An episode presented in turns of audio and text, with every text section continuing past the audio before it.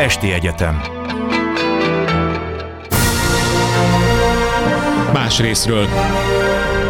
Történelmi kalandozás tabuk között. Rózsa Péter műsora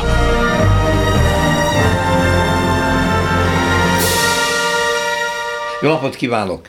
Éppen a himnusz szövegének, születésének 200. évfordulója van, de amikor megszületett és Kölcsei megírta nagy magányában, akkor persze még ez nem volt a nemzet himnusza, hanem jóval később, 8, jó 80 évvel később lett azzá nagy viták közepette, ami nem véletlen. Úgyhogy úgy gondoltuk Sonfai Péter szerkesztő kollégámmal, hogy Erről most érdemes lesz beszélni, annál is inkább, hiszen Nyári Krisztián író, szervusz. Szervusz, és köszöntöm a hallgatókat. Nem is olyan régen, tavaly valamikor jelent talán meg a könyved. Tavaly előtt. Tavaly előtt a himnuszról, és nem csak a magyar himnuszról, hanem egyáltalán a himnusz, mint fogalom a különböző nemzetek életében, hogy mit jelent. Úgyhogy azt gondoltam, hogy először elevenítsük fel, hogy hogyan született meg a magyar himnusz, milyen sorsa volt, milyen viták voltak, és utána bővítsük ki ezt a beszélgetést Csepeli György, szociálpszichológus professzorral, aki már itt van, és hallani fogja a beszélgetésünk első részét. Ö, Ugye amikor ez megszületik, eleve a költsei mint nagy depressziós, hát eleve nagyon depressziós hangulatban van, úgyhogy ö, emiatt is nem csodálkozunk azon, hogy ez a világ legszomorúbb himnusza. Hát Vagy talán mi a gyökere? Ilyen, talán nem ilyen szoros az összefüggés ugye aznap a költő bácsi nagyon szomorú volt, ezért ezt a szomorú verset ha nem írta. aznap, hanem ahogy írod, abban az időszakban már hosszú ideje nem írt, 1821-22-ben vagyunk, akkor már nagyon régen nem ír verset, ott van magányában a vidéki birtokán. Valószínűleg mai kategóriákkal ő tényleg súlyos depresszióban uh-huh. szenvedett. Ebben van olyan időszak, amikor két évig a birtokát sem hagyja el, ezen belül fél év, amikor a küszöböt sem lépi el. Kicsivel ezt követően születik a himnusz, inkább az jellemző erre a korszakra, hogy nagyon keveset írt, és nagyon lassan tépelődve tehát a himnusz sem 1823-ban született, ez a, amit ünneplünk, az a tisztázat amikor a végleges változat? A végleges változat születése.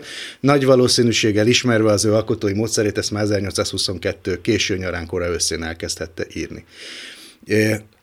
Az ő magába fordulásához, depressziójához talán annyi köze van a himnusznak, hogy már hogy milyen lett a végén ez a vers, hogy ebben az időszakban komolyan foglalkozott a nemzethalának a gondolatával is.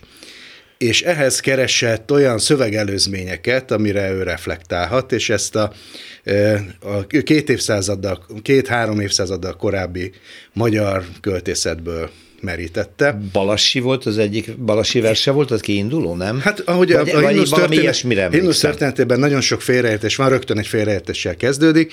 Olvas egy Balassi verset kölcsei, amiben felszólítja a költő a következő századoknak a a költőit, hogy sírjanak, imádkozzanak Istenhez vele együtt, hogy nehogy elpusztuljon ez a nemzet. Ennek a versnek különböző motivumait, akár szavait használja is. A sose tudja meg, hogy ez nem egy balassi vers. Hát, tévesen a, a, a, azonosították, ez Rimai Jánosnak, balassi tanítványának a verse valószínűleg nem, kell, nem nyúlt volna hozzá, hogyha az nem, nem úgy tudja, hogy, hogy Balassi, uh-huh. akkor fedezik fel Balassit, és neki nagyon fontos ez az előzmény.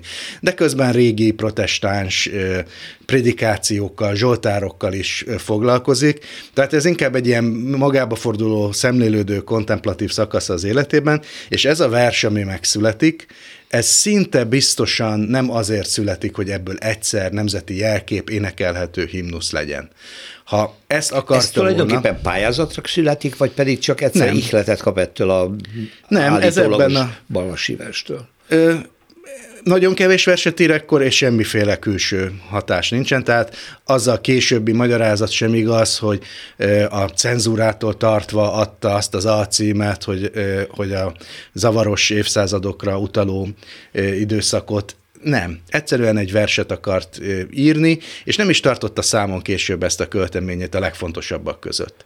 Fel is sorolja, hogy ebben az időszakban mik a legfontosabb versei, ez nincsen közte, sőt, leveleiben sem említi meg soha ezt a versét.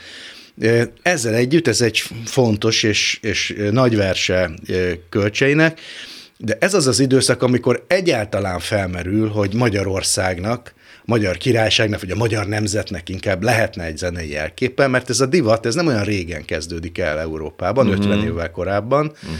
és nyugatról keletre terjed tulajdonképpen. Ugye a brit királyi himnusz az ős. Az az ős, igen. Amire, igen. amire mindegyik himnusz hasonlítani akar, és aztán később, amikor megszületik a Marseillaise is, akkor az a másik. Az egyik egy néphimnusz, a másik egy királyhimnusz, és már megvan az osztrák császári himnusz is ebben az időszakban, a Haydnnak a, a Gotterhaltéje, pontosabban egy Haske nevű költő verséhez írott zene. zene, ami úgy születik, ahogy egy himnusznak kell, egy király fölkér egy költőt, meg egy zeneszerzőt, hogy legyen himnusz, és egy év múlva készen áll. Uh-huh. Ehhez képest a mi himnuszunk nem így születik, és vannak már ebben az időszakban kísérletek, hogy legyen nekünk is. Kisfaludi Sándor ugyanabban az évben, amikor kölcsei a, a himnusszal szenved, egy évvel korábban megírja a magyar himnusznak szánt versét, magyar nemzeti ének, ez pont olyan, mint egy bármilyen himnusz Igen. itt Közép-Európában, és nem lesz belőle himnusz. A himnuszok általában a nemzet születésének történetét mesélik el többnyire, nem? Vagy, a, ezek a közép-európai nem... himnuszok, igen, azért, mert e, szemben a nyugat-európai himnuszokkal, amik általában egy király dicsőségét hirdetik, vagy egyáltalán a nemzetét, mint a, mint a Marseillaise, és inkább ilyen katonai induló jellegű dolgok. A közép-európai népeket a nemzetté válás egyik korai szakaszában éri ez a divat, uh-huh. amikor még nincsenek független országok. országok igen. Sem a lengyel, sem a cseh, sem a, magyar. sem a magyar, és lehetne sorolni, ezért mindegyikben van egy múltba fordulás, a dicsőséges múlt, és szemben pedig a, a, a, a veszélyek, hogy lehet, hogy elvész az országunk, de és akkor erre hát különböző hát magyarázatok a nagy állam, az addig beteljesletlen állam, hogy önálló állam legyünk, nyilván ezt hozza, Ezért ezt ez a veszélyérzet beleívódik. Mindig ezekbe. valamilyen ö, birodalomon belül, birodalom ellenében is születnek ezek a himnuszok, hát vagy a cári Oroszország, vagy az, vagy az osztrák császárság, ö, Balkánon akár még, a, még az oszmán birodalom is felmerülhet. Mint nálunk is. És, és ö, a e, ilyen értelemben hasonlít ez a hagyományhoz, de ez műfaját tekintve költségverse nem himnusz. Ez nem a dicsőséget hirdeti, ez egy ima egy könyörgés. Fohász. Ezért olyan más, mint, a, és mint, mint az összes többi himnusz, és ráadásul ennek is egy protestáns verziója, egy közben járó imádság. Ugye, a, a, aki református, az ismerheti ezt a formát, hogy a gyülekezetből valaki nek a közbenjárását kérik, a, és, és ő imádkozik Istenhez, hogy bocsássa meg a bűnöket. Tulajdonképpen ez a himnusz. Uh-huh. Valószínűleg Kölcsé Ferenc úgy halt meg, hogy fel sem merült benne, hogy ebből egyszer énekelt himnusz lesz.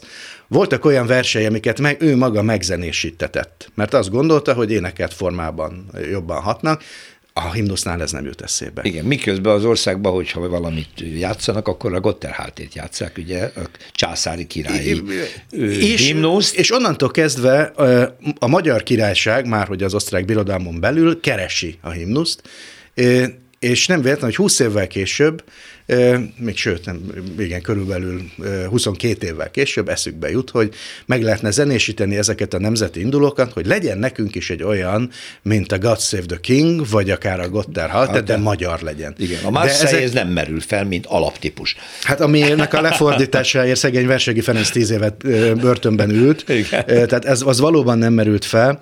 Elő lefordították egyébként magyarra, mint hogy ez Franciaországnak hivatalos himnusza legyen, de ezzel együtt ez ah. egy veszélyes felforgató Igen dal volt, királyhimnuszt akartak, nem, de magyar királyhimnuszt, uh-huh, és ebből uh-huh. a szempontból az nem számított, hogy egyébként az osztrák császár és a magyar király az egyébként ugyanaz a személy, nagyon magyar királyhimnuszt akartak, de nem találták, de amikor ilyen hazafias dalok megzenésítésére a Nemzeti Színház kiír egy pályázatot, először 1843-ban, akkor nem a himnusz jut eszükbe először, hanem a szózat. A szózat. A szózatot ugyanis mindenki ismerte. A szózat a reformkor csúcspontján születik meg, míg kölcsei himnusza a legelején, még talán nem is reformkor az, Igen, amikor az ez megszületik. Nagyon. Egy, egy, amikor már megvan ennek az intézményrendszere. Például van egy nemzeti színház, aminek az is a dolga, hogy felnagyítsa ezeket, és közönséget teremtsen. Vannak olvasók, vannak folyóiratok, és ráadásul van egy politikai program is, mert ez is szükséges hozzá. Bizonyos értelemben, ebben most nem mennék bele, a szózat a Széchenyi Stádium című művének a versbeszedése, hm. és ezt így is olvasták a korban, és mindenki ismerte. 1843-ban a szózatnak 5-6 zenéje ismert, és énekelték. Ezt külföldi utazók leírják. Amikor ezt a, meghirdetik egy pályázaton, már vannak ismert zenék, de akarnak egy jobbat, a pályázat pedig olyan, mint a mai zenei pályázatok, hogy többnyire az igazán profik nem indulnak el rajta. És például Erkel Ferenc, a Nemzeti Színház karnagya, az a zsűriben ül, és nem pályázik, és nagyon sok pályamű érkezik, mert a szózatot mindenki ismeri, és nem igazán jók. A legkevésbé nem jó, vagy hát a leginkább jó, vagy, hogy szépítsünk, az Egresi Bénének a verziója, de ezt a profi zenészek nem szeretik. És például Erkel Ferenc is kifejezetten nem kedveli ezt a verziót, megírja egyébként a szózatnak a Erkelféle zenei változatát, de ugye ez nem vett részt a versenyben, tehát ez csak... Ő csak versenyen kívül hogy azért bebizonyítsa, hogy, hogy ő is hogy, tud valamit, hogy, és igen, hozzátenni ehhez. És, és akkor a következő, ezt egy hagyománynak szállják, hogy minden évben lesz egy ilyen. Csak közben csődbe megy a Nemzeti Színház, az alatt az igazgató alatt, úgyhogy csak két forduló van. A második az a kölcsei himnusza, amihez az is kellett, hogy kölcsei már nem él, és a kölcsei kultusz éppen ekkor kezd el virágozni, meg az a véletlen, hogy himnusznak hívják ezt a versenyt. Tehát akkor fölmerül mégiscsak itt az 1840-es években. 44-ben kírják ezt. Mert ahhoz képest ugye jóval később lesz csak hivatalos himnusz majd valamikor. A 1989-ben, bocsánat, tehát hogy ez 170 év, Igen. amire himnusz lesz, mert megzenésítik, megnyeri Erkel, akit így belekompromittálnak, hogy most akkor ne a zsűribe üljön, hanem tessék elindulni. Meg. És nem éneklik nagyon mert nem olyan, mint egy himnusz. Hát nem a dicsőséget hirdeti, és a reformkornak ebben a felfelévelő szakaszában, nem beszélve 48-ról, amikor március 15-én 1848-ban hazafias dalokat énekelnek a nap végén, a csúcsponton, a Nemzeti Színházban, 17. a himnusz, ami eszükbe jut. Hát igen. Már a, a Hunyadi László áriáját meg mindent elénekelnek, mert nem olyan. Ehhez kell világos, kell az a, az a nemzeti depresszió, ami, ami 49 után jön, ezt temetéseken éneklik először, olyan közösségi alkalmakon, tömegben, ahol valamit gyászolnak, és bőven van mit gyászolni. Az első ismert olyan előadása a himnusznak, amikor tömeg énekli, a Széchenyi István temetése. Tehát temetés. Ez nem véletlen, igen. És ugye egy picit előreugorva olvasom a könyvedben, hogy amikor a 900-as évek elején egy képviselő beterjeszti a parlamentben, hogy ez legyen a himnusz, akkor leszavazzák. Hát leszavazzák, és nagyon élesen Ötös Károly azzal támadja, hogy nem lehet a nemzetnek a himnusza egy depresszív, vagy nem tudom milyen szavakat használ, nemzethalált és egyáltalán pusztulást vizionáló mű kikéri magát. Nagyon sok szában. baj volt ezzel, tehát igazából mindenkinek volt vele baj, csak nem vették észre, hogy ez már a himnusz. Tehát, hogy ettől hogy már ettől így, már az? Hogy, hát nem csak, hogy e- részben ettől, részben pedig, hogy ezt, ezt már akkor tömegek tudták énekelni, Például készült hozzá zongora átirat, ezért Igen. a legkisebb faluban volt zongora, ezt tudták énekelni. Tudták énekelni már. Kis túlzással a 19. Más, század második fele arról szólt Magyarországon, hogy a politikai elit kereste a jó himnuszt a Gotterhalte ellenében, amit gyűlöltek. Igen és ugyanezt nem engedte meg a nemzetiségeknek. Tehát a himnusz háborúk, a nagy jelkép háborúk, azok párhuzamosan zajlottak, ugyanazok, akik a parlamentben verték az asztalt, hogy mi az, hogy egy nemzeti ünnepen a Gotterhátét kell énekelni, ugyanazok betiltották a román, vagy a cseh, vagy a szlovák himnuszt. És aztán úgy ért véget a monarchia 1918-ban, hogy még egyszer felcsendült a Gotterháte, és, és aztán itt maradt szokásként a himnusz, de törvény továbbra sem született róla. Az első jogszabály az jellemzően a hortikorszak bürokratizmusára, az arról szólt Homan Bálintnak egy miniszteri rendelete, hogy hogyan kell énekelni. Nem azt, hogy Nem ez az, micsoda. Hogy ez micsoda. Tehát, hogy a hajlításnak hol van a helye, hogy Igen. rá vagy rá legyen az éneklés. 1989-ig ez egy szamizdat himnusz, és ez szerintem egy gyönyörű hagyomány, Nagyon hogy érdekes. ez nincs kimondva. Mindenki ha énekli. énekli. Hát egyébként a brit király himnuszal is ez van, de nálunk nem így szokott ez történni, azért, mert a politikai elit mindig keresett valami jobbat. Minden korszaknak voltak alternatív himnuszai. Ugye a Horti korszakban a szép vagy gyönyörű vagy Magyarország, Igen. a magyar hiszek egy. Nem véletlen, hogy aztán a kommunizmus alatt is le akarták cserélni, és mégis nem hagyta magát, a lengyel mellett a magyar az egyetlen, amit nem cseréltek le ilyen szovjet típusú himnuszra. Igen. Legfeljebb nem énekelték, mert hát a pártaggyűlésen. Valamilyen kis plebejus ellenállás is fel lelhető ebben a dologban, de ennek a szövege azért nagyon-nagyon jellemző, mert azért azt szoktuk mondani, hogy a magyar néplélekkel nagyon is találkozik ez, az, ez, a, ez a nemzetvesztő, nemzetféltő hangulat és a könyörgés és a fohász, ami mögött azért elég jelentős, hát mondjuk azt, hogy társadalompolitikai és társadalompszichológiai. És a megbűnhődte már, hát az olyan, hát ilyen nincs. Az a felmentés, az, az, az meg Egyébként emiatt nagyon, a katolikusok nagyon sokáig nem akarták ezt elfogadni, hát azért ez dogmatikailag nincsen rendben. Nincsen rendben. Mincenti Józsefnek még plébános korában az első ismert politikai szerepvállalás vagy közéleti megnyilvánulása az a himnusz ellenében született, hogy nem engedte, hogy a templomban március 15-én énekeljék, mert ennek nem ott van a helye, hiszen ez ö, ö, egyház ellenes. Mennyire messzi víz, és mennyire túlmutat egyszerűen a vers és az irodalom kérdésein, mindez. Úgyhogy ez az a pillanat, amikor megkérem Csepeli György, szociálpszichológus professzort, hogy kapcsolódjon be a beszélgetésbe. Először is teljesen egyetértek a Krisztiánnal, hogy ez voltak éppen funkciójában nem szabadna, hogy himnusz hogy legyen. az legyen. Én megnéztem a környező országoknak a himnuszait, és hát egyszerűen elképesztő a különbség. Ugye a miénkben balsos, bűn, verthat, magzat, hamvedre, bú, kétség, vérözön, holtnak vére, kínzó, rapság, ilyen szavak szerepelnek, míg a csebe, földi paradicsom, gyönyörű föld, csehföld, szlovákoknál ugye a feléledés, az ukránoknál a dicsőség, a románoknál az ébredés, a római vér, sőt, még Mátyás király is benne van a román himnuszban, a szerbeknél a, a dicső tettek, az Isten áldása, a horvátoknál a tengernek a szépsége, tehát a himnusznak voltak éppen a feladata nem az, hogy beleverje az embereket a földbe, hanem hogy fölemelje az égbe. És bizonyos értelemben véve a kérdésedre azt a választ tudom adni, hogy ez önmagát beteljesítő jóslat. Tehát, hogyha én magam minden nap az a tudattal kelek, hogy milyen elveszett ember vagyok, mennyire nem érek semmit, akkor valóban estére már elveszett ember leszek, és nem fogok semmit érni. Tehát ilyen szempontból ez egy szociálpszichológiai katasztrófa, azt tudom mondani, minden szépségével együtt. Én tanítok nemzetközi osztályt, ahol a világ nem tudom, 30-40 országából most már 10 éve rendszeresen vannak hallgatók, és a feladata az, hogy a saját himnuszokat hasonlítsák össze a magyar himnusszal. Jé. Hát ugye azt tanítom nekik, hogy hogy kell magyarnak lenni. Az, ele, az első órán még nagyon vidámak, és mondom, az utolsó órán már nem leszek olyan vidámak. Na a lényeg az, hogy, hogy ilyen nincs még egy. Tehát sok kéri őket, amikor összehasonlítják a saját himnuszaikat ezzel a himnusszal, annak minden szépségével együtt. Tehát azt kell mondjam, hogy e-, ebből tulajdonképpen lehet erőt is meríteni, de azért tudat, tudat, szóval tudomásul kell vennünk, hogy ez nem egy normális himnusz.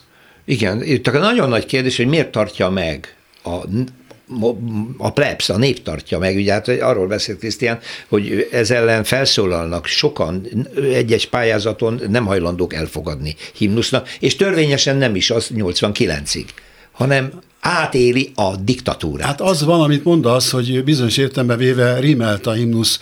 Akkor, amikor megírta kölcsei, akkor ez egy felívelő korszaka volt a magyar nemzeti tudatnak, kétségtelen, de ami 48-49 után következett, leszámítva mondjuk a monarchiának ezt a, hát Bibó István kifejezésével élve felemás e, sikerességét, azért azt kell mondjam, hogy a himnusz beigazolta saját magát, tehát a, a, a világos, amit Krisztián említett, az egy elképesztő tragédia az azt követő üldözés, megkülönböztetés, sárba taposás szintén nem hagyott jó nyomokat, bár Jókai ezt megpróbálta valamilyen módon kiküszöbölni, de és utána itt van Trianon, itt van 44, itt van 45, itt van 56, tehát ez is része a kurzusomnak, amikor felsorolom a magyar ünnepeket ugye kezdődik a, a kommunizmus áldozatainak az ünnepével, utána a holokauszt ünnepével, aztán a Trianonnal, aztán a, a világossal, a, ugye az aradi vértanúknak a napjával. Gyakorlatilag egy olyan ünnep van, amire azt lehet mondani, hogy,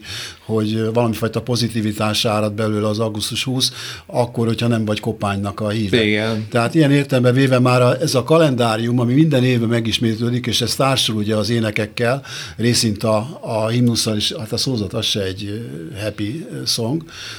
Ilyen értelemben véve az, hogy a, töm, az, hogy a nép, ahogy mondod, ezt igényli, az tulajdonképpen egy kultivációs hatás de ezt most már nem fogjuk tudni megváltoztatni soha, ezzel együtt kell, hogy éljünk, csak azt kell tudjuk, hogy, hogy ez nem normális. Na de akkor ez egy iszonyatosan visszafogó erő egy visszatartó erő. Egy nem, nem is tudatosul az emberekben, hogy ezek a rituálék, amiket Csepeli György most felsorolt, az ünnepek, a, hozzá a himnusz és még a szózat is, állandóan fenntartja azt a vesztesség érzést, a félelemérzést, és azt, amit nagyon sokszor a mai politika is használ, hogy minket mindenki bánt. Igen, de a, a paradoxon az, azért ezt nem szabad elfelejteni, és ezt a hallgatóim is észreveszik, hogy ez a kollektív szint, de az individuális szint az teljesen más. Aha. Tehát az individuális magyar az, az nem ilyen depressziós, nem ilyen bűntudattal teli, ellenkezőek, semmifajta bűntudata nincsen.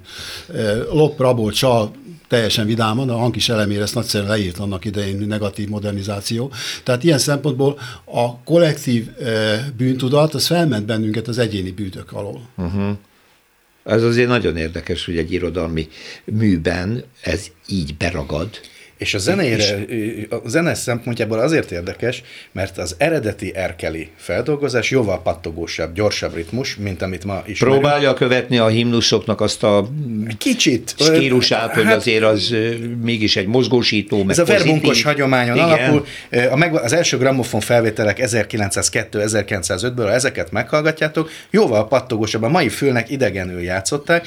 Az, amit a, mi himnuszként hallunk, és számon kérjük, ha valaki nem úgy adja elő, az nem az erkeli, zene, hanem annak a Doknány Ernő által a 30-as években eh, írott feldolgozása, mert az a gyászene igazán, Aha. ami hát erre a 30-as évekre nagyon jellemző. Eh, és azóta is ezt kérjük számon, és ezért van az, hogy ez például már rájöttek, hogy sportversenyeken azt a gyászzenét azért mégse lehet, és készült egy olimpiai verzió, egy kicsit gyorsabb, egy kicsit másként hangszerelt, más hangnemben, hogy például a férfi is ki tudja énekelni. De vitákat is váltott ki, nagy vitákat, hogy ez a felgyorsított változat, ez idegen tőlünk, és eh, komoly szaktekintélyek tették le a voksot, hogy tessék az eredetit. Hát igen. Ami meg nem az Ami eredeti, az eredeti, az a doknányi. a doknányi változat. Nekünk ugye mohács kell. Hát, lehet így is definiálni egyszerűen. De akkor a mindenkori politika viszonya ehhez a depresszív állapothoz, ez a, a fenyegetettség állandó hangsúlyozása, hogy ne legyek aktuális, de nem tudok nem az lenni, hiszen hát ez a Fidesz által súlykolt, folyamatos, militarista szemléletű megközelítés is tulajdonképpen ugyaninnen ered szerintem, nem? Tehát ez egy hagyomány. Nem tudom, nem mennék bele aktuálpolitikai fejtegetésekbe. Itt a lényeg az, hogy valamilyen módon a mindenkori politika megpróbálja ezt a fajta depressziót ellensúlyozni. Tehát a sportmánia nyilvánvalóan ezt a cél szolgálja. Akkor most ez a középhatalmi... Igen, vízió, ha úgy tetszik. Deliráció vagy illúzió, ez is az. Tehát megpróbálják valamilyen módon semlegesíteni ezt a kollektív depresszivitás, de szerintem a megoldás az a civil társadalom sikján születhetne. Tehát a rossz úton jár a politika, amikor, amikor beavatkozik ezekbe a folyamatokba. Ezt tudomásul kell venni, hogy ez van, és a, a boldogságot az egyén szinten kell keresni, nem a nemzeti szinten. És még egy dolog eszembe jutott, hogy, hogy azért a akár a rendszerváltás után különböző kormányok próbáltak, ha nem is alternatív himnuszokat, de ilyen optimista dalokat him, himnuszpótlékként ajánlani. Ilyen volt a szocialista kormányok alatt is, volt több próbálkozás a, a mostani Orbán kormányok alatt is, Barackfada, meg nem tudom én micsoda, ezekből soha nem lett semmi.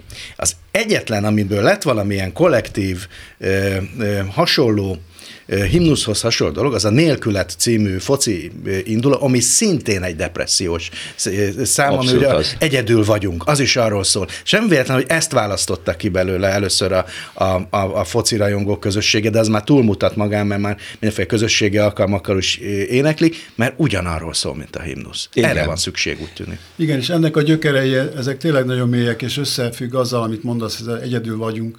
Ez nem egy plusz a szlogán. Tehát az, hogy indoeurópai nyelven beszélünk, a struktúrája a nyelvünknek teljesen más, ráadásul a, a rokonainkat, a finneket se értjük.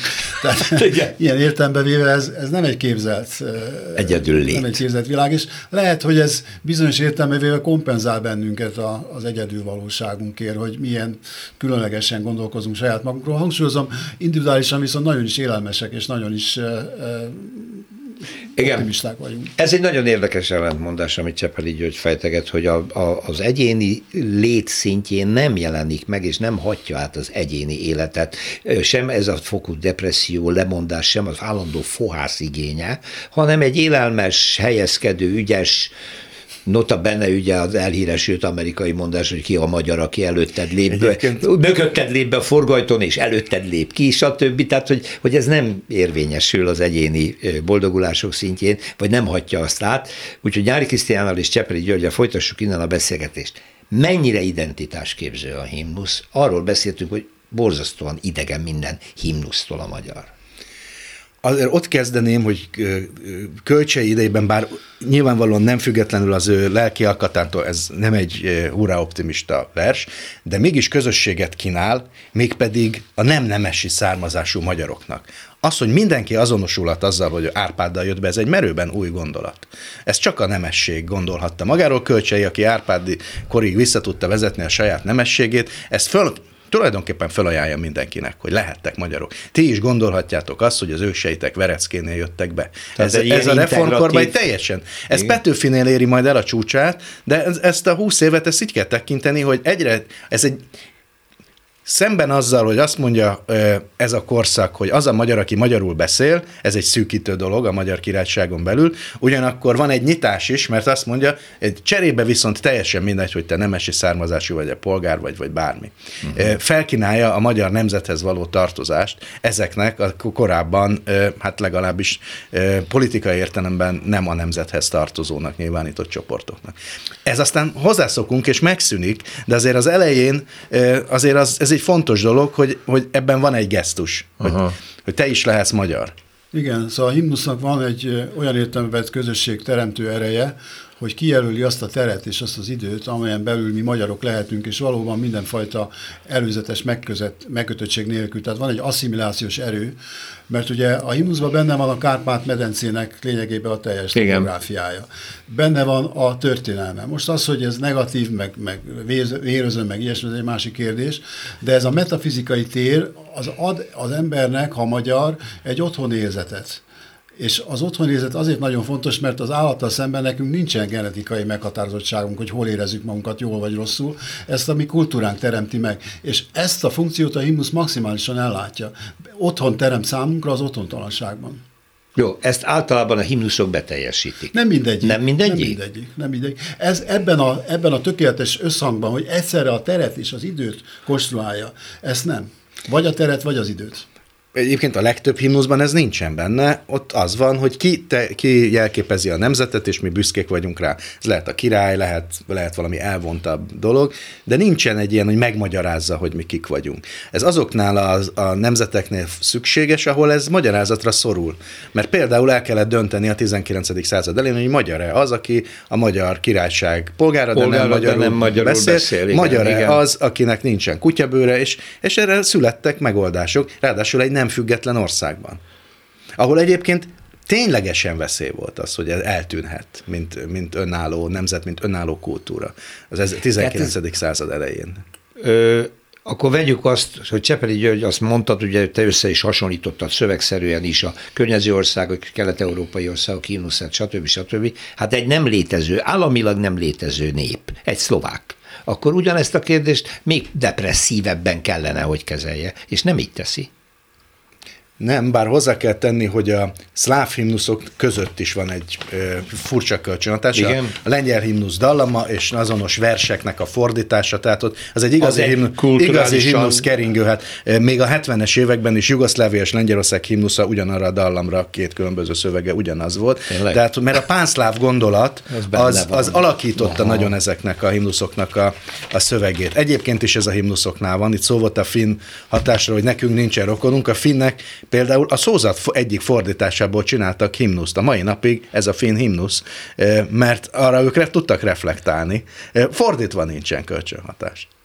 Ez nagyon érdekes, tehát, hogy egy, egy, egy, egy olyan nemzet, amelyik küzd azért, hogy önálló államisága legyen egyáltalán, akár a lengyelek száz nem tudom hány éven keresztül szenvedik az, hogy nincs Lengyelország, szlovákokról is egyáltalán is elmondhatjuk. Majd De mi a lengyel himnusz? Nincs még veszve Lengyelország. Igen, mi a igen. magyar himnusz? Hát, hogy veszve, veszve van. van Magyarország, igen. igen, igen. Miközben a magyar államiság az még a török hódoltság idején is, ha korlátozott földrajzi értelemben, de mégiscsak megmarad és folytonos. Igen, szóval valóban a, a, a lengyel az hasonlít a magyarhoz, hogy fölveti a lehetőségét annak, hogy, hogy te nem vagy, vagy hogy ti nem vagytok. A szlovák eset nem, ott, ott egyszerűen csak a, a, felnéznek a, a táplára, és azt mondják, hogy hát igen, Szlovákia. és ráadásul ugye eh, mindig vannak teljesen értelmetlen nacionalista viták, hogy mi a szlovák himnusz, mert ez egy magyar népdal is.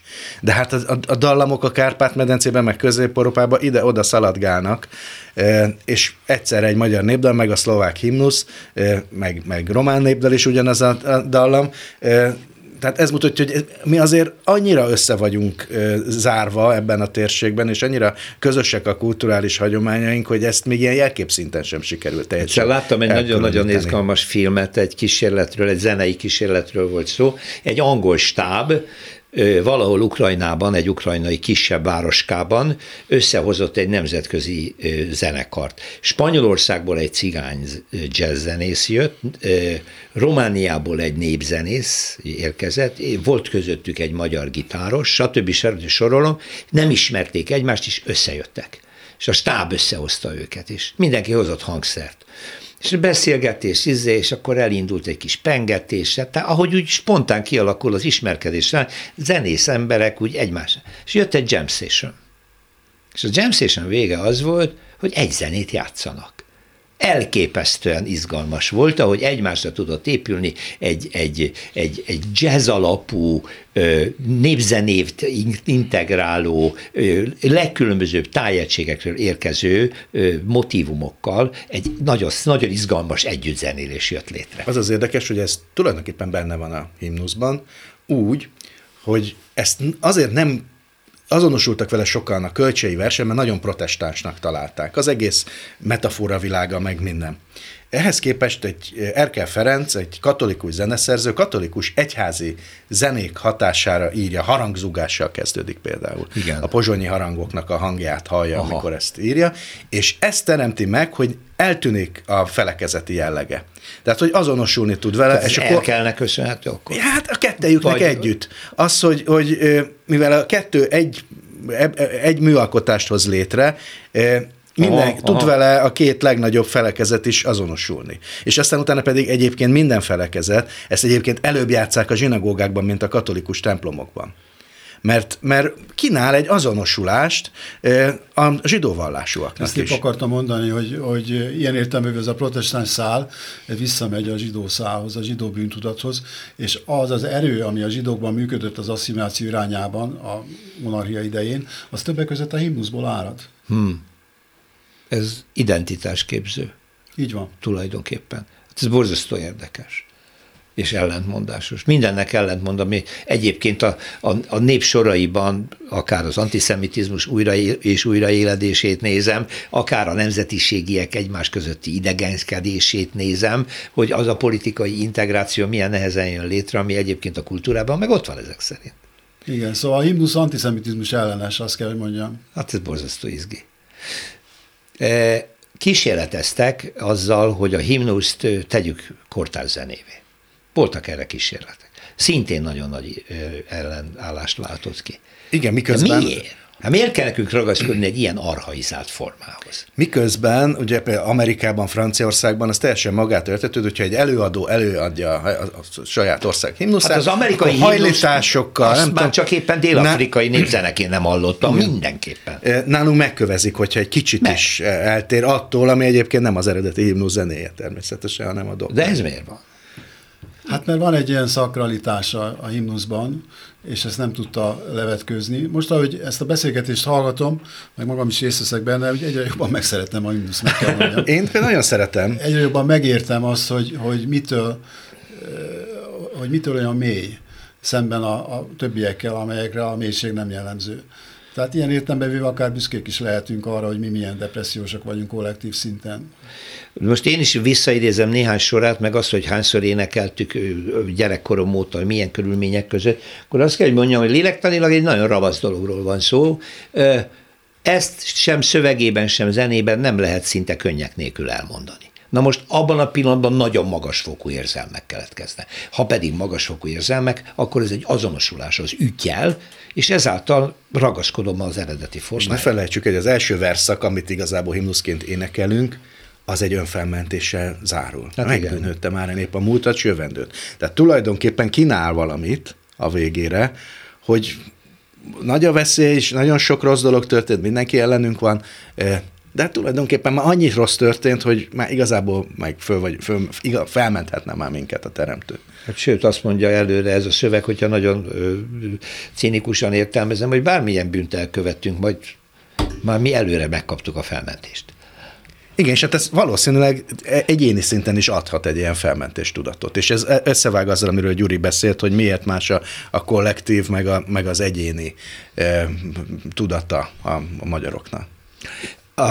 Volt kísérlet arra is, illetve hát van az Európai Uniónak himnusza, ugye?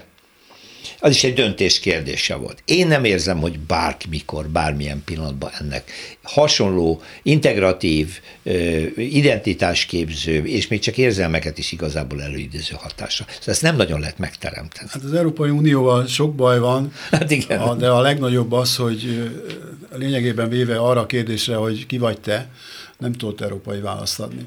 És ez látszik a szimbólumtárban, ugye az ászló teljesen nevetséges, látszik az Euróbank jegyeknek a, a szimbolikájában, látszik a himnuszban, tehát az, az örömóda nem olyan nagyon egy, rossz. Az egy ilyen technokrata. Az örömóda nem rossz, persze, csak nem, nem lép rossz, egy himnusz. Erre a válasz nem ad, erre a kérdés nem ad választ. Kétségtelen, igen.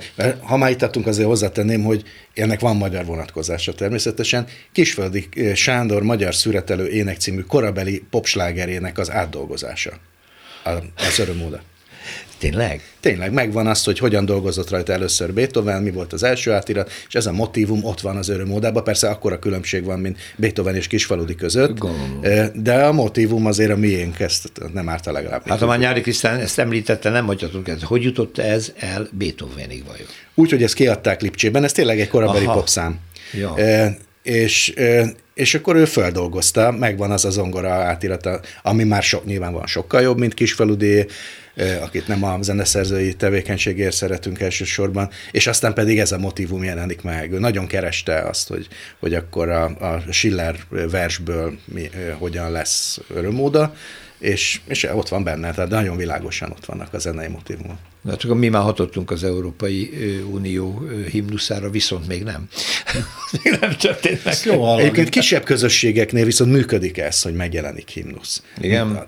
Igen, tehát hogy, hogy a, ezeknek a zenei jelképeknek van közösségteremtő ereje. Jó, hát már eleve, ugye, amit most említettél, ez a legújabb a foci, foci drukkerek választották maguknak ezt a mi is a címe, minden felejt. Nélküled. Nélküled című dalt himnusznak, egy fociklub mindig választ magának egy dalt, vagy irat, mert az is előfordul, tehát, hogy kis közösségek igénylik Tudjátok, azt, mi az izlandi foci himnusz? Nem.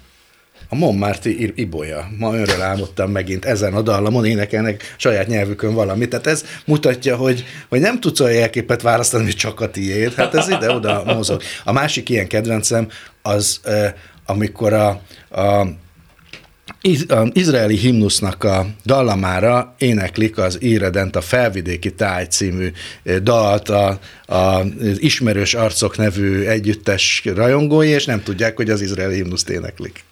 Hát voltak ilyen csapdák ugye itt ezeknek a történetre. Például írod a könyvedben, hogy valamelyik egyházi himnusz verseny, ugye mert pályázatot hirdettek, és az jeligés volt. Melyik is? Melyik egyház is? Talán a katolikus himnuszt nem, keresték. Nem, nem, ez a evangélikus egyházi himnusz, ugye a himnuszok először egyházi közösség teremtő Igen, igen, volt, igen. Tehát már nem egy, egy Zsoltár, de még, de még nem nemzeti himnusz, és a erős vár, ami Istenünk, ugye az ez az, az evangélikus himnusz. Ez az, és kiírtak egy pályázatot a 30-as években ennek magyar fordítására, mert, mert csak régi fordítással létezett. Jelégés pályázat, el is készült, kiválasztották, meg is azt így is éneklik, de mivel névtelen volt, nem lehetett tudni, hogy kiírta, a 60-as években derült ki, hogy József Attila fordította, ami azért szép, mert egy görögkatolikus vallásban keresztel, de alapvetően nem hívő ember fordítását éneklik egyházi himnuszként ma az evangélikusok. Ez egy, ez olyan szép történet, ezért kértem Nyári Krisztiát, hogy ezt elevenítse föl, mert oda szeretnék visszakanyarodni, hogy, hogy ez az identitás képzés a kultúrán keresztül nagyon jól tud működni, vagy nem. A himnusznak ha a mai világot nézem, amiben ma élünk, egy globalizált, ráadásul jelenkorban nagyon szétesőnek tűnő világ, Csepeli Gyuri említette, hogy azért mennyi baj van az Európai Unióval is, amitől azt vártuk, hogy egy új, új közösségként fog megjelenni az életünkben. Van még ennek, vagy lehet-e ezeknek a nemzeti keretek között újra feléleszthető identitásképző kulturális elemeknek, mint dalok, színház, irodalmi művek, vagy netán himnusz megtartó ereje? Abszolút. Vagy pedig megyünk szét? Nem, abszolút van, mert, mint mondtam, egyébként a transzcendentális hajléktalanság állapota következik be, ami maga a szorongás, maga az idegenség. És ez ellen hát keresni kell a helyet, keresni kell a pontot, ami bizonyos szempontból megtart engem, és ilyen értelemben ezek a nemzeti himnuszok ezt a funkciót ellátják, és a magyar, mint erről beszéltünk, talán jobban is ellátja, annak ellenére, hogy pozitív érzés sokat nem ad, de viszont az, hogy te ki vagy, erre egyértelmű választ ad. Ez ma lehet újra fontos, ezek szerint? Szerintem most is fontos, nem? Soha nem vesztette el a fontosságát. Nekem van olyan élményem, vagy, vagy egy generációs élményünk szerintem, hogy mi a 60-as években, amikor egy globális új kultúra, a beat kultúra kezd elterjedni, és annak a zenei változata tényleg tömegeket hódít meg, akkor ebben nagyon nehezen kezd valamit az akkori idősebb korosztály, és Vitám Ivánnak volt egy nagyon jó megfogalmazása, a Beatlesekre utalva, hogy ezek mit csinálnak. Azt mondja, ezek újra maguk, az, az saját zenéjüket játszák. Nem másolnak, nem tradíciókat vesznek át, hanem megtaláltak valamit a korosztályuknak és a kornak megfelelő saját zenéjüket játszák. De ez nem mond ellent annak, amit mondtam. Én annak idején csináltam már ilyen nemzeti tudatvizsgálatokat, és egyértelmű volt, hogy a Immusz abszolút versenyképes. Tehát minden új, újabb és újabb korosztály számára Szóval a kettő az. nem úgy van, hogy Beatles vagy, vagy Erkel. Nem választás kérdése, hanem egymás mellett van. Így van. És ráadásul ne felejtsük el, hogy ez egy, nem egy archeológiai lelet, tehát ez egy élő műalkotás, ebben az hogy folyamatosan változik. És nem csak úgy, mint hogy Doknány idejére lelassult, hanem a szokások. Az, hogy látom sportolókon, hogy szívretett kézzel éneklik egyre inkább, mert látják, hogy máshol is ez a szokás, de lehet, hogy 50 év múlva már ez lesz az alap. És hogy nagyon sok ilyen fajta változás van, az, hogy fölállunk a himnusznál, az nem magától értetődő, az a milleniumkor jött egyébként egy ilyen színházi, hogy mondjam, beépített embernek köszönhető, aki egy színházi előadáson először fölállt, és akkor azt látták, hogy föl kell állni. Tehát, hogy ez, ez, ez egy élő műalkotás pont azért, mert jó jelkép, egy, egy nagyon jó jelkép, amit nagyon sokan magukénak éreznek, talán ez a legkevésbé megosztó jelkép az ászló mellett természetesen. És a legismertebb magyar műalkotás egyben, hát szerintem nincs hat évnél idősebb magyar ember, aki ne, ne tudná, hogy ez a himnusz.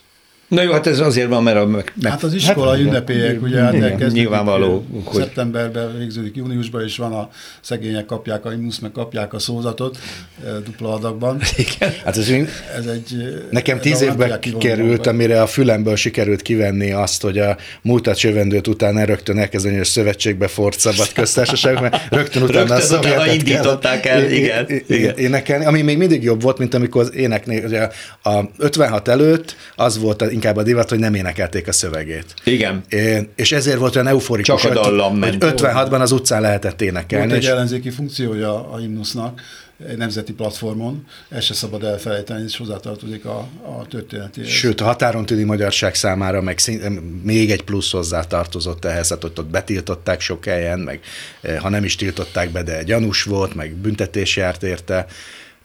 Nagyon érdekes, ugye, eh, ugye évfélkor eljátsza a rádió. Igen. Ez 1930-as évek óta, lényegében a rádió indulása óta így van, de az első években nem így volt. Mert az akkori magyar rádió ezt nem akarta, mert azt mondták, hogy ünnepélyes alkalmakor kell ezt csak játszani, mi az, hogy minden éjszaka. Kikövetelték a hallgatók, leveleket írtak, tehát azt hinnénk, hogy ez a horti rendszer sajátja, hogy akkor minden év... Nem, ez nem ezt a hallgatók akarták, és ellenállt, ugye Kozma Miklós volt a rádió vezetője, egy felvilágosult, nagyon jobb, de nagyon felvilágosult ember, és ő nem akarta. És kikövetelték. Szóval, hogy általában utat tör magának, és tényleg egy ilyen alulról jövő igénynek. Terül. Igen, meg az jutott eszembe, hogy említettétek ugye a szocialista korszakot, tehát a szocialista tábor korszakát, amikor ugye ennek a tábornak a ideológiai alapon létrejöttek a szimbólumai. A dalok, a zászlók, a fényképek, stb. stb.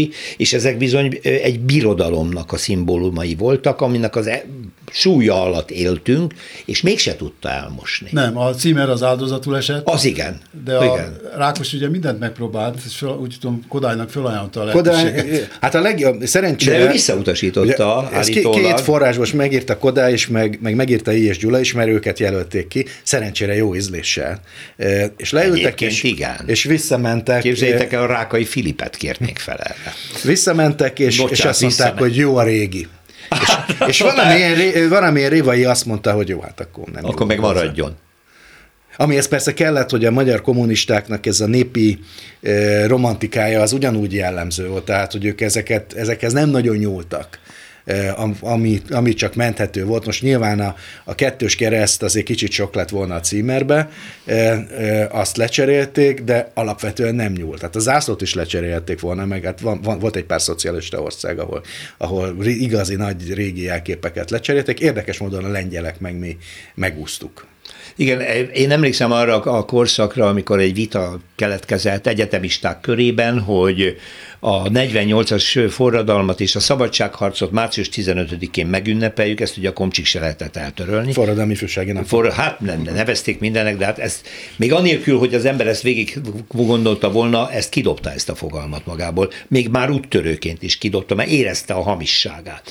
És akkor az a vita indult el, hogy jó, rendben van, március 15, minden oké, okay, na de ott van 21-e a tanácsköztársaság. Azt mindenki letolja már, bocsánatot kérek, az csak a hivatalosságnak az ünnepe, az csak csak egy ráerőltetett dolog, annak semmiféle nemzeti identitás képző ereje nincsen, holott ha valaki tanulja a történelmet, akkor a első világháború utáni katasztrófában, a tanácsköztársaság időszakában voltak olyan tettek, lépések, akár a területek megtartásáért, amiket nem kéne kirekeszteni a nemzeti történelemből, de nem ütött át valahogy, nem tudott átjönni.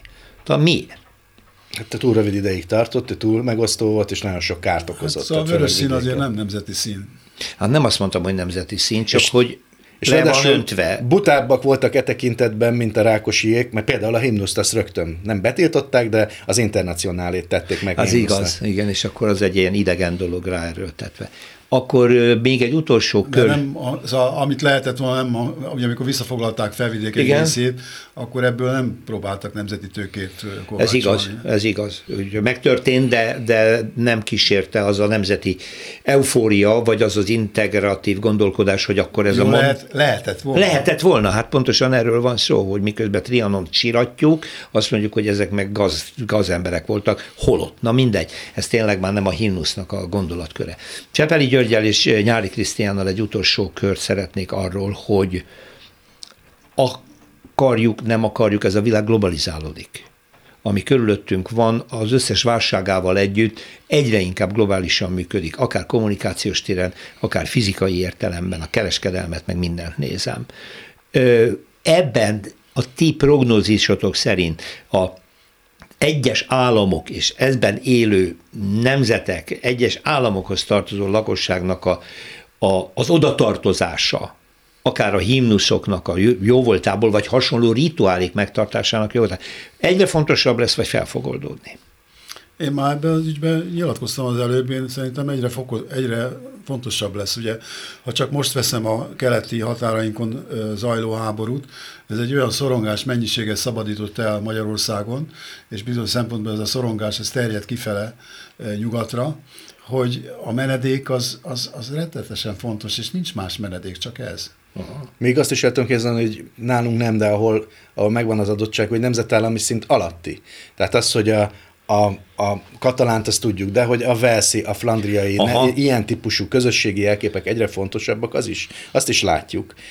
Tehát, hogy éppenséggel nem a, a nagyon globális nagy jelképek felé megyünk, hanem, hanem szeretjük megteremteni azt a, belátható közösséget, ami egy kis országnál még belátható, egy nagynál meg kevésbé. Miközben a globalizáció dübörög, tehát ez nem azt jelenti, hogy ez visszafordul, csak azt kell látni, amit ma Huntington leírt a 90-es évek elején, hogy, hogy vannak visszacsapások. Tehát uh-huh. a lélektani szempontból az nem olyan egyértelmű, hogy, hogy az egész világ egy. Tehát nem mindenki Kant, aki emberiségbe gondolkozik, hanem hát csak konkrét kategóriákban gondolkozunk, hogy magyar, zsidó, cigány, keresztény, stb. Tehát ilyen értelemben véve ez a kettő, ez, ez együtt van ebben a, ebben a ellentmondásos világban.